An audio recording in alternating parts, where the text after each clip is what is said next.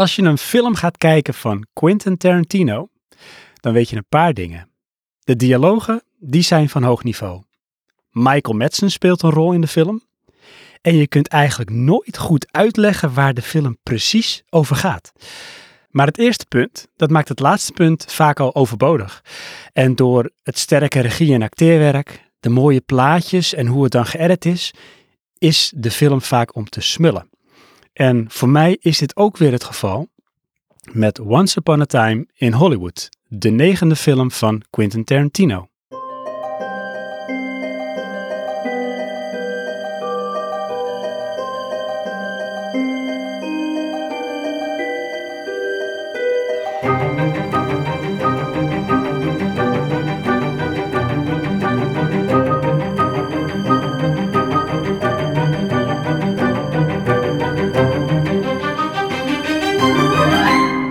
In deze film volgen we een aantal dagen in het leven van Rick Dalton, een zogenaamde has-been actor, gespeeld door Leonardo DiCaprio. En we volgen Cliff Booth, Rick's stuntman en feitelijk personal coach en enige vriend, gespeeld door Brad Pitt. En het verhaal dat speelt zich af in het Hollywood van eind jaren 60. De gloriedagen van Hollywood met zijn filmhelden en manier van film maken, die lijken voorbij. En daarmee zijn ook de hoogtijdagen van Rick geteld. Hoofdrollen krijgt hij niet meer. Hoogstens duikt hij nog wel eens op in een film of serie om, zoals ze het noemen, de heavy te spelen. En dat is in feite een persoon die de klappen vangt en verslagen wordt. Hij is verslaafd aan de drank en hij heeft vooral heel veel medelijden met zichzelf. En Cliff, Rick Stuntman, steun en toeverlaat, het is een oorlogsveteraan met een dubieus verleden, want het verhaal gaat namelijk dat hij zijn vrouw zou hebben vermoord. En veel meer als stunts uitvoeren, dat kan hij niet. En hij weet het als Rick faalt, dat hij faalt. En de film, die is net als Pulp Fiction opgesplitst in kleine verhaaltjes met een sterke samenhang die uiteindelijk samenkomen in het grote overkoepelende verhaal. En zo volgen we Rick, we volgen Cliff, maar we volgen ook Sharon Tate. Een vrouw die echt bestaan heeft. Ze was namelijk de vrouw van filmregisseur Roman Polanski, die op brute wijze om het leven werd gebracht door de Manson family. Het verhaal speelt zich dan ook af rond die laatste dagen en de dag van de moord zelf. Maar Quentin Tarantino zou Quentin Tarantino niet zijn als hij die op geheel eigen wijze zou benaderen. Uh, Mike, Once Upon a Time in Hollywood. Als je de titel zo leest, dan denk je, dit is een sprookje. Het is of een sprookje, of het is een film uit de reeks van Once Upon a Time in uh, New York, volgens mij. En Once Upon a Time in Los Angeles. Ik weet niet. Er is zo'n hele reeks van die, van die middelmatige actiefilms. Die ook Once Upon a Time. Uh, uh, Once Upon a Time heten. Once Upon a Time in America heb je ook nog. Once Upon a Time in the West. Once Upon a Time in Mexico. Dus ja, Ja, het, ja. het kan eigenlijk van alles zijn. Ja, ja, dat klopt. Ja, het is in feite, als je het ook zo letterlijk ziet, Once Upon a Time, puntje, puntje, puntje, in Hollywood. Het moet wel een beetje, denk ik, doen, overkomen als een, een sprookje, een vertelling. Er was Ja. eens. Ja. En je volgt dan ook inderdaad Rick en Cliff in een paar dagen. Ja, Rick en Cliff. En wat je zegt daarnaast eh, het verhaal van Sharon Tate. Dat Ja. is eigenlijk wat je, wat je volgt. Het zijn eigenlijk twee losse verhalen die ergens toch een keertje de degens kruisen. Dat wel. Ze komen ergens wel een beetje bij elkaar en dat mengt zich in de, in de tweede helft van de film een klein beetje. En naarmate de, de film richting het einde gaat, is er, is er iets meer dat het, eh, dat het samenkomt. Maar het is, het, is, het, is, het vermengt zich minder dan ik had gedacht eigenlijk. Ja, het is wel grappig, want we zien bijvoorbeeld fictieve personages. Want Rick en Cliff, ja, die zijn verzonnen. Dat zijn geen echte personen, maar die zijn wel heel sterk gebaseerd op acteurs, stuntmannen uit die periode, uit die era. Ja. De golden age van eh, Hollywood. En die worden dan gemixt met echte personages. Hè? Zoals ik zei, eh, Sharon Tate, Roman Polanski, Ja. eh, acteur Steve McQueen, Bruce Lee, Ja, Charles Bruce Lee. Manson. Ja, En we krijgen dan een beeld van Hollywood eind jaren 60. En in mijn ogen is dit dan ook de kracht, maar ook een beetje de zwakte van deze film. Hè, want we zien bijvoorbeeld die filmsets, we zien heel veel popculture uit die tijd. En het oogt ook soms ook echt alsof het uit die tijd komt. Ook tot en met scènes, want Rick is een acteur en hij komt nog wel eens in series. En dan zien we dus ook dat hij die films of die series opneemt. En dan kijk je ernaar alsof je eigenlijk naar die serie kijkt. Hè? Zo doet Ja. eh, Tarantino dat, zo laat hij dat voorkomen. Maar als je dat niet bijvoorbeeld bewust hebt meegemaakt. Want ik weet dat Tarantino heeft heel veel persoonlijke ervaringen die hij als kind had. Want hij is opgegroeid in Hollywood, in die omgeving. Hij, hij heeft heel veel liefde voor die, voor, die, voor die era. Heeft hij verwerkt in die film. Maar als jij dat bijvoorbeeld zelf... Ik kom niet uit Amerika, dus ik heb dat heel anders beleefd. Ik kom niet uit die tijd, dus ik heb daar geen gevoel bij. Dan valt denk ik wel een deel van die charme weg. En hou je alleen nog dat verhaaltje over van Rick en Cliff. Ja. Nou, dat is ook wel een beetje wat het voor mij was. Kijk, je weet natuurlijk wel iets van Charles Manson, zeg maar. En, en alles wat daar een beetje omheen heen zijn, zijn, zijn volgers en, en dat soort zaken. Maar ik ben niet zo super bekend voor de rest met ja, die hele cult die daar omheen zit. Hm. En voor mij was het dus ja, ik ging er eigenlijk met een beetje te, te hoge verwachtingen in. En is dat wist- omdat het een Tarantino film is? Ja, en ik hou echt van Tarantino films. Pulp Fiction is denk ik een van mijn meest favoriete films alle tijden. Wel op een gedeelde eerste plek met allerlei andere films. Maar Reservoir Dogs vond ik geweldig. Hateful Eight, eh, Django Unchained, Inglourious Basterds. eh, Mhm. Kill Bill vond ik supergoed. Zelfs Jackie Brown vroeger, die heel Mhm. veel mensen niks aanvonden, vond ik heerlijk om, om naar te kijken. Maar deze film heb ik twee weken geleden pas voor het eerst gezien. Want Oh, er was in 2019 iets dat mij tegenhield om die film te kijken toen die uitkwam. Ik weet niet wat. Er zat geen drang achter of zo. Dat ik dacht van, ah, nu, deze moet ik kijken. En dat is niet Weet je dat de- ik dat bij meerdere mensen hoorde? Precies dit, van toen. Ja, En het was toch de combinatie van Tarantino en dit was dan, leek wel een beetje een luchtige film. Hè, zo Ja. kwam het in ieder geval toen op mij over dat ik de trailer zag en eh, wat ik het nieuws erover las. Weet je wat het voor mij een beetje was? Ik miste een beetje die geniale Tarantino twist aan deze film. De, fi- de film is Hmm. eigenlijk gewoon wat gewoontjes. Ja, dat zou je op die manier kunnen noemen. Ja, Ehm, wat ik wel grappig vind, want jij zegt inderdaad van, ik kende wel een beetje het verhaal van eh, de Manson family, Charles Manson, Sharon Tate, Roman Polanski. Ehm, ik zei al in eh, de intro, hè, Tarantino zou Tarantino niet zijn als hij daar op eigen wijze iets mee doet of dat benadert. Dat hebben we ook gezien in Inglourious Basterds, dat hij bewust een soort loopje met de geschiedenis neemt in hoe Hitler aan zijn einde komt bijvoorbeeld. Ehm, hier zien we iets wat in feite heel erg eh, draait om ja, die laatste dagen van Sharon Tate en de manier waarop zij om het leven is gebracht en wat daar heeft eh, zich afgespeeld.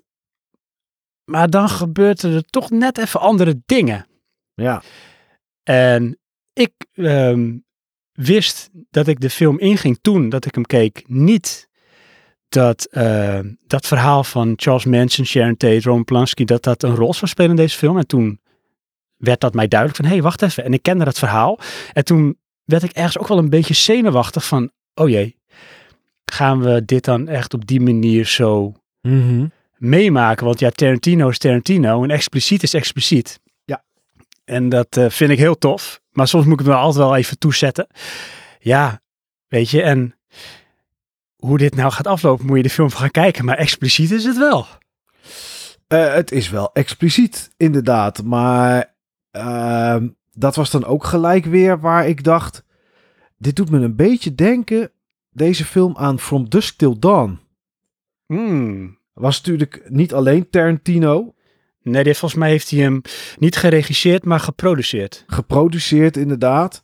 Eh, dat klopt. En dat is een film, From Dusk Till Dawn, is een film die eh, van, van, voor de rest Robert Rodriguez, die in tweeën is geknipt. De eerste helft is een beetje Tarantino en de tweede is meer Rodriguez. Dat is meer actie, overdreven, gore en dat soort spul. Kan Tarantino ook, als je kijkt naar Kill Bill bijvoorbeeld, eh, Mm. of eh, bepaalde scènes uit Inglourious Bastard of, of Django Unchained. Maar ik had hier ook dat gevoel een beetje. Twee derde van de film is anders dan een derde, het einde. Ja, nee, Ehm, zeker, zeker. Dan wordt het ineens een ander soort film, zeg maar. En dat hadden we al eventjes niet meer gezien van Tarantino. Dus ik had het ook niet verwacht. Mhm. En ik weet ook niet of dat nou iets is waar ik heel enthousiast over was. Niet omdat het slecht is, Mhm. maar ja, ik weet niet. Ik had dat niet verwacht. Het, het, wat het wel deed, was voor mij een bevestiging. Ja, Dat precies. Deze film meer keek om Brad Pitt dan om Leonardo DiCaprio. Terwijl wij hem wel uitgekozen hebben vanwege Leonardo DiCaprio. Ja, ja, want eh, kijk, het is natuurlijk eh, voor ons in de filmblik Leonardo DiCaprio maand. Dus wij gaan films kijken, of hebben al films gekeken van Leonardo DiCaprio met Leonardo DiCaprio, moet ik zeggen. Ehm, ja, hier speelt hij echt eh, een grote rol samen met Brad Pitt. Zij Ja. spelen samen wel de hoofdrol in deze film. Ehm, jij zegt inderdaad, uiteindelijk werd jij meer getrokken eigenlijk tot de rol die Brad Pitt neerzette. Zeker. Ja. En kun je daar iets over vertellen? Ja, nou ja, kijk, eh, Leonardo speelt een acteur. Hij is natuurlijk een acteur. Het is een acteur die niet zo succesvol meer is. Hij wordt wel gevraagd, maar zoals hem door El Pacino wordt verteld, ja, weet je, je wordt vooral gevraagd omdat je een grotere naam bent. En ja, als, jou versla- als jij verslagen wordt, dan is degene die jou verslaat, stijgt zeg maar over jou heen. En zo word je langzaam weggedrukt. En dat is, dat is wat hem verteld wordt. En dat is ook wat er gebeurt trouwens. Dus het wordt hem niet alleen verteld, dat is ook wat er, wat er gebeurt. Maar Brad Ja. Pitt heeft dat niet. Brad Pitt is ja, een beetje stoere stuntman die niet zoveel geeft om dingen. Die gewoon zijn leven een beetje leeft samen met zijn hond. Die een Ja. beetje vli- vlieren fluit. Die gewoon een beetje, ja, hè, bij Leonardo DiCaprio is, is, is zijn antenne omgewaaid op het dak. Ja, hij is eigenlijk stuntman. Maar ja, er is geen werk voor hem. Eh, Leonardo betaalt hem gewoon. En hij zegt, hey, kan je, me, kan je mijn, mijn, mijn antenne? Nou, ja, ja, is prima. Weet je, hup, ja, ga ik dat toch doen. En dan, doen. ja, en dan zie je die scène ook. Je ziet hem ook dat hij dat gaat doen. En ja, richting het einde dacht ik, ik vind de scènes met Brad Pitt gewoon veel interessanter door het personage dat hij speelt. Ja. Weet je, Ja. neem alleen al de scène tussen Bruce Lee en Brad Pitt. Dat is denk ik een van mijn favoriete scènes uit deze film. Mooi hè? Eh, ja, heel mooi. Maar dat is niet met Leonardo. Brad Pitt Nee. aan het einde in het huis van Leonardo met wat daar gebeurt, Mhm. is het weer Brad Pitt die voor mij de show steelt. Ja. Leonardo doet het ook goed, hè? Laat het even vooropstellen, want er is een scène dat hij in een trailer zit eh, Ja. bij een film. Ja. En de opnames zijn gewoon niet goed gegaan voor zichzelf. Hij vond dat hij, hij wist een paar, eh, een paar regels tekst niet en dat soort dingen Ja. allemaal. En dan beseft hij dat zijn carrière eigenlijk ook over is. Hij doet het niet goed. Hij beseft Nee. wat voor rol die in zit en dan wordt hij boos. En dat acteert hij super goed. Ja. Dat is echt. Wist je echt dat eh, die scène is ook helemaal geïmproviseerd hè? Hij, eh, in die trailer, hij- ja? ja, is helemaal geïmproviseerd. Hij heeft toen ehm, overlegd met eh, Quentin Tarantino. Want Quentin Tarantino is wel een regisseur die altijd het touwtje compleet in handen heeft. Dus een hele echte strakke wijze van hoe hij het ziet en hoe hij het wil. En eh, hij heeft toen uiteindelijk kunnen, hem kunnen overtuigen. Dus ehm, eh, Leonardo DiCaprio heeft Quentin Tarantino kunnen overtuigen van... Ik vind eigenlijk belangrijk in deze scènes die gaat komen dat Rick hier echt door het ijs gaat zakken. Dat hij zijn tekst kwijtraakt. En dat hij het vergeet. En nou, daar was hij niet zo mee eens, Tarantino. Van dat zag hij niet zo, dat niet zo bedacht. Maar toen zei hij toch van ja, dat, dat moet. Dat maakt hem toch wel duidelijker, zeg maar, waar hij zit in zijn, in zijn carrière. Mhm. En eh, nou, prima, dan gaan we dat maar proberen. En eh, toen zei hij ook van, nou, dan wil ik eigenlijk van dat tijdens dat we die western-serie, wat dat zien we dan een stukje in de film ook, dat hij aan het opnemen is, dat ik ergens mijn tekst verlies. En dat is wel grappig, want het doorbreekt het ook een beetje een soort dimensie. Want in één keer zie je tijdens die scène, die je ook echt ziet alsof je naar een spannende western zit te kijken, Ja. zit je erin, je ziet ze echt wel goed acteren. En in één keer zie je dat hij iets te lang stil is. Het En dan zie je zijn mimiek veranderen. En dan denkt hij, verdomme, mijn tekst.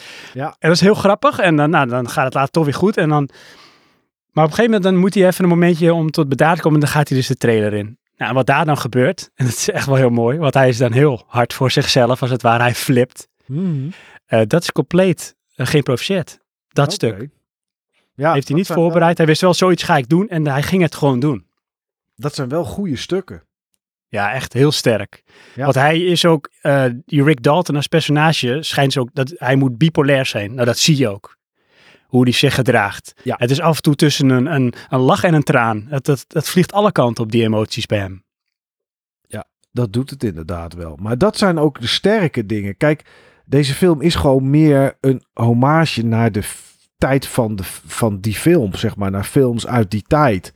Hm. Dan dat het een echt verhaal is. Het is, het is gewoon ja, een gedeelte uit het leven van mensen. Ehm, en, en, en ja, weet je, kijk bij een, een. En dat was ook bijvoorbeeld Pulp Fiction. Eh, maar Reservoir Dogs was dat bijvoorbeeld weer niet. En Django Unchained ook niet. Het is. Dus weet je, je weet dat je bij Tarantino van alles kan verwachten. En er is eigenlijk één ding wat ik eigenlijk altijd verwacht. En dat zijn hele sterke dialogen. Hm. En die vond ik hier ook iets minder. Oké. De Ja, meeste ja. sterke dialoog die ik vond in deze film was Leonardo DiCaprio, die op de set van een film zit, naast een Mhm. achtjarig meisje. En Rick Dalton, die daar een rol speelt van iemand anders, die gaat met dat meisje een beetje zitten praten. En dan vraagt hij, hoe heet je? En dan zegt dat meisje de naam zoals ze in de film heet. Ik weet even niet meer hoe ze heet. Eh, want ze zegt dat maar één keer. En dan zegt hij, Hmm. ja, maar hoe heet je echt? En dan zegt het meisje, nee, als ik op de set ben, dan gebruik ik alleen die naam om meer in mijn rol te blijven. En dat was, die twee hebben daarna dan een gesprek over boeken lezen en weet ik wat allemaal. En toen dacht ik, ja, dit is waarvoor ik een Tarantino film kijk. Voor dit echt, soort hè? gesprekken. Ja, heel sterke scène. Alleen ze zaten er wat weinig in. Eens. Eens. Ehm, je merkt wel natuurlijk in hoe de tekst, hoe de teksten geschreven zijn, dat het Tarantino is. Het is toch ergens altijd wel snappy. Ja. Het is scherp. Maar ehm, het gaat niet back and forth zoals het wel eens kan gaan. Dat vond ik bijvoorbeeld heel erg sterk in Hateful Eight. Daar was het een, ja, dat is bijna een soort single location film. Eh, daar moet het ook wel het hebben van de personages en de interactie onderling. En dat ging back and forth, heen en weer, continu, heel scherp, heel sterk. Was hier inderdaad een stuk minder. Ehm, maar ze zitten er dus wel kortstondig in. En zeker die scène die jij nu aanstipt, vond ik ook een, wel een hoogtepuntje uit de film. En wat ik ook knap vind, en dan kijk ik ook even dan naar het acteerwerk van eh, Leonardo DiCaprio. Want Mhm. in mijn optiek was dit wel een film waarin ik Leonardo DiCaprio zie die iemand speelt, als het ware. Dus hij verdween voor mij niet in het personage of de rol. Nee, maar ook moeilijk wel hoor. Want hij speelt iemand die iemand speelt die iemand Dat. speelt, zeg Nou, maar. dat, dat Dus- vind ik dus zo knap. Je ziet dus inderdaad een acteur die acteert dat hij, zeg maar, acteert als het ware. Ja, Dat moet je kunnen, want je moet dus een soort inception, als ik het zo bedenk. Je moet Ja. kunnen breken, zeg maar, van iets waar je in zit, maar dan ben je nog steeds aan het acteren. Dat is heel Ja. knap. Dat, dat Ja. kan lang niet iedereen. nee, nee. Je bent een acteur die zich in moet leven in een rol. Hoe iemand is buiten de set om van wat hij speelt. Maar dat wel als acteur in een film.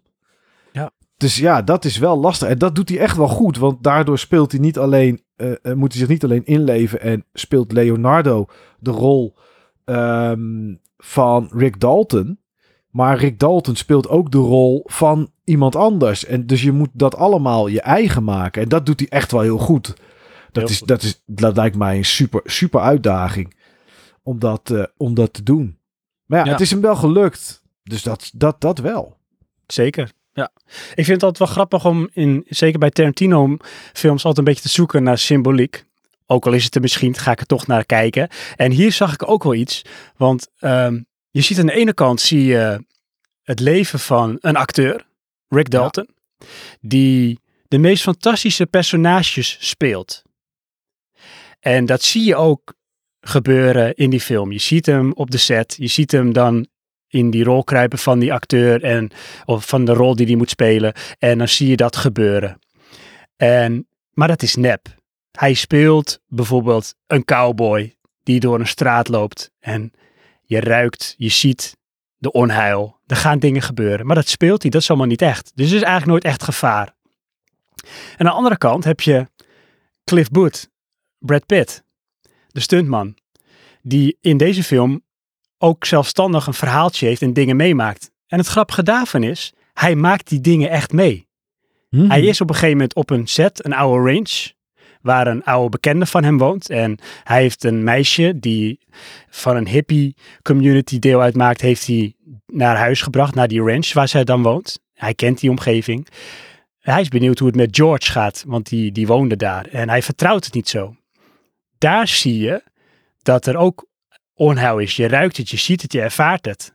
Als Ja. een soort western loopt hij daar Maar dat is niet geacteerd. Ja, wel in de film, maar niet hij als personage in die wereld. Nee, Hij nee, maakt nee. dat echt mee. Dus het grappige is dat Rick acteert het en Cliff beleeft het.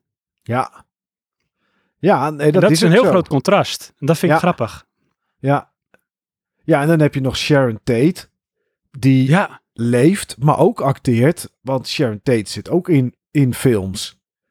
Ja. En dat is dan ook weer, die, die, ja, die be- beleeft wel ook de wereld. Maar ja, eh, zie je ook als actrice, zeg maar, terug in films. Dus het is, ja, het loopt allemaal een beetje door elkaar heen. door elkaar heen. Ja. Ja. Zag het trouwens wel weer eh, heel, eh, blijft een knappe vrouw hoor, Margot Robbie. Ja, absoluut. Sharon. Zeker. Ja. Ja.